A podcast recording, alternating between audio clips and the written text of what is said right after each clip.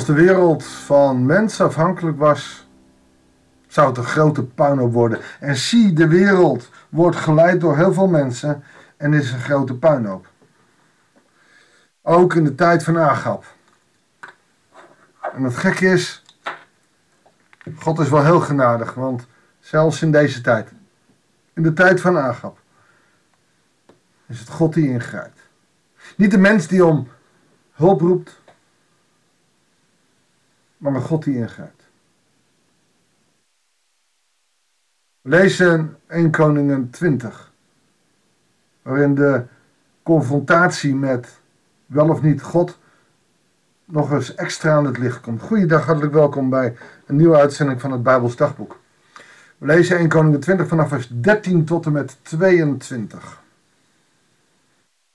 Toen kwam er een profeet naar koning Agab van Israël. En hij zei, dit zegt de Heer.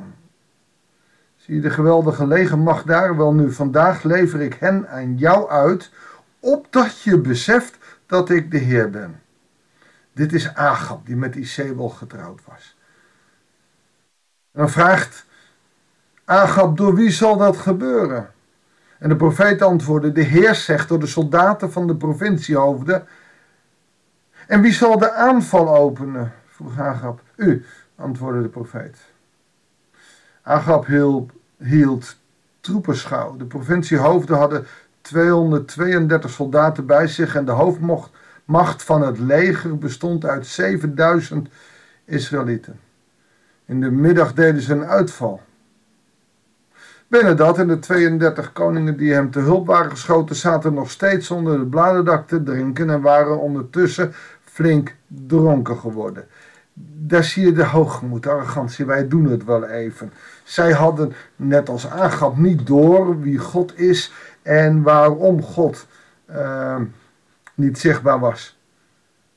Als aangap vanaf begin God geëerd had en God gevraagd had, dan hadden deze mensen die nu onder dat bladerdak lekker zitten te zuipen, maar dan hadden Benedat en die 32 koningen gevreesd en ontzag had voor, voor de grootheid van God. Maar nee, dat hebben ze niet. Bizar hè? Maar dat geldt ook voor ons. Zou dit niet ook gewoon een motivatie zijn om mensen te vertellen van de grootheid en de liefde en de genade van God? En de leegheid die je hebt als je, als je God niet hebt. Soldaten van de provinciehoofden waren vooruitgegaan. Benadat liet informeren wat er aan de hand was. Hij was dus nog niet te dronken en men vertelde hem dat er een grote groep mannen de stad uit was gekomen. Heel naïef zegt hij erop of ze nu Samaria nu vreedzaam of, vreedzaam of met vijandige bedoelingen verlaten hebben. Zorg dat jullie ze levend in handen krijgen. Inmiddels waren niet alleen de soldaten van de provinciehoofden de stad uitgetrokken, maar in hun gevolg ook de overige manschappen.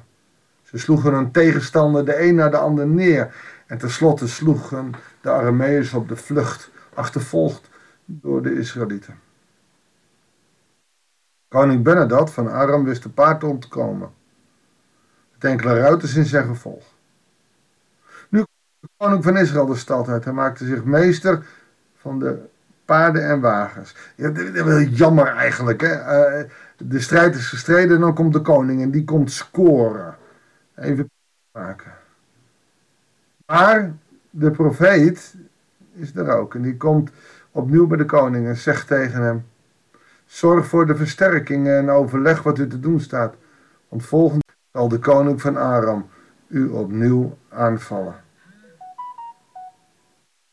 Dat is wat dit gedeelte zegt. Er is een overwinning.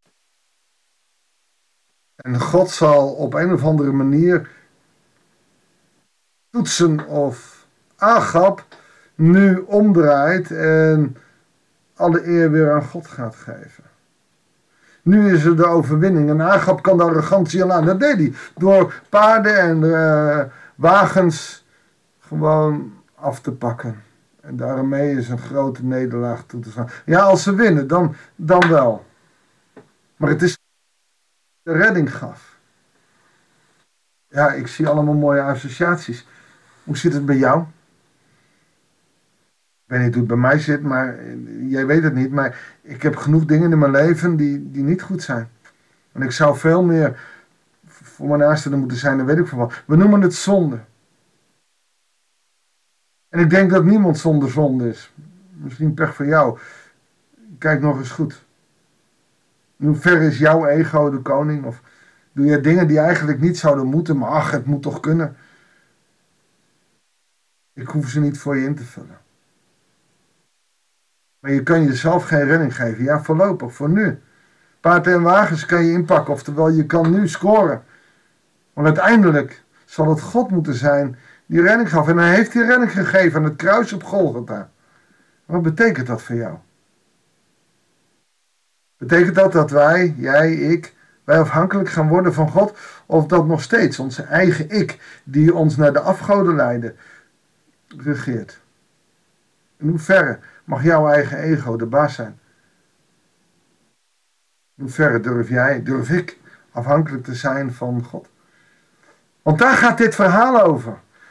God geeft genade via Agap, een man die afschuwelijke dingen gedaan heeft. God geeft genade.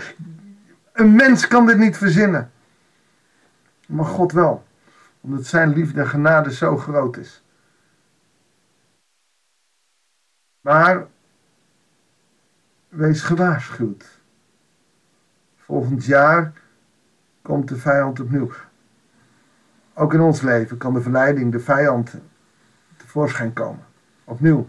Ook al zijn we gered, ook al zijn we door zijn genade en zijn bloed aan het kruis op Golgotha gered. Het is niet automatisch dat wij in ons menselijk leven aan zijn eeuwig leven blijven kleven. Maar we moeten ook door zijn genade leven, afhankelijk van hem. Onze keuzes maken door hem en niet door onze eigen ego. En ik weet maar al te goed hoe moeilijk dat is in dit leven. Omdat de verleidingen soms zo groot zijn, zo ongelooflijk groot. Laten we proberen God alle eer te geven. Dicht bij Hem te leven. Afhankelijk te zijn van Zijn wil. Hem te zoeken. Te bidden. En niet mijn wil, maar uw wil geschieden. Ook te bidden. Weer te ontdekken wat Zijn wil is. Dat kan je doen door gebed goed te luisteren, maar ook de Bijbel te lezen. En niet te denken dat was toen, dat is nu. En je ziet hoe een, een verhaal uit één koningen ons kan confronteren met ons bestaan. Wordt niet als aangap. Zijn leven eindigt niet heel erg mooi. Maar probeer wel te leren van Agap. Zullen we daarvoor bidden, Heere God, hoogmoed. Hij in ons leven, zoals we dat in de psalm van de week lazen, mag niet de hoofdmoot zijn. We moeten afhankelijk zijn van u, maar we vinden dat wel moeilijk, God. Wilt u ons helpen door, door uw geest, als we Bijbel lezen, bidden, of uw stem mogen verstaan, hoe dan ook, om ieder in onze eigen levens te ontdekken wat u van ons wil. Dat we het goede doen en het kwade laten, Heer, wil ons daarbij helpen. Geef ons de kracht om vanuit uw genade te leven. Daar hebben we echt uw hulp bij nodig. Juist op die momenten dat het kwaad toespringt op ons en want Heere God, de Satan wil niet dat wij nu geloven. De Satan wil niet dat we bekeren. Heere God, wilt u ons helpen? U heeft de Satan overwonnen.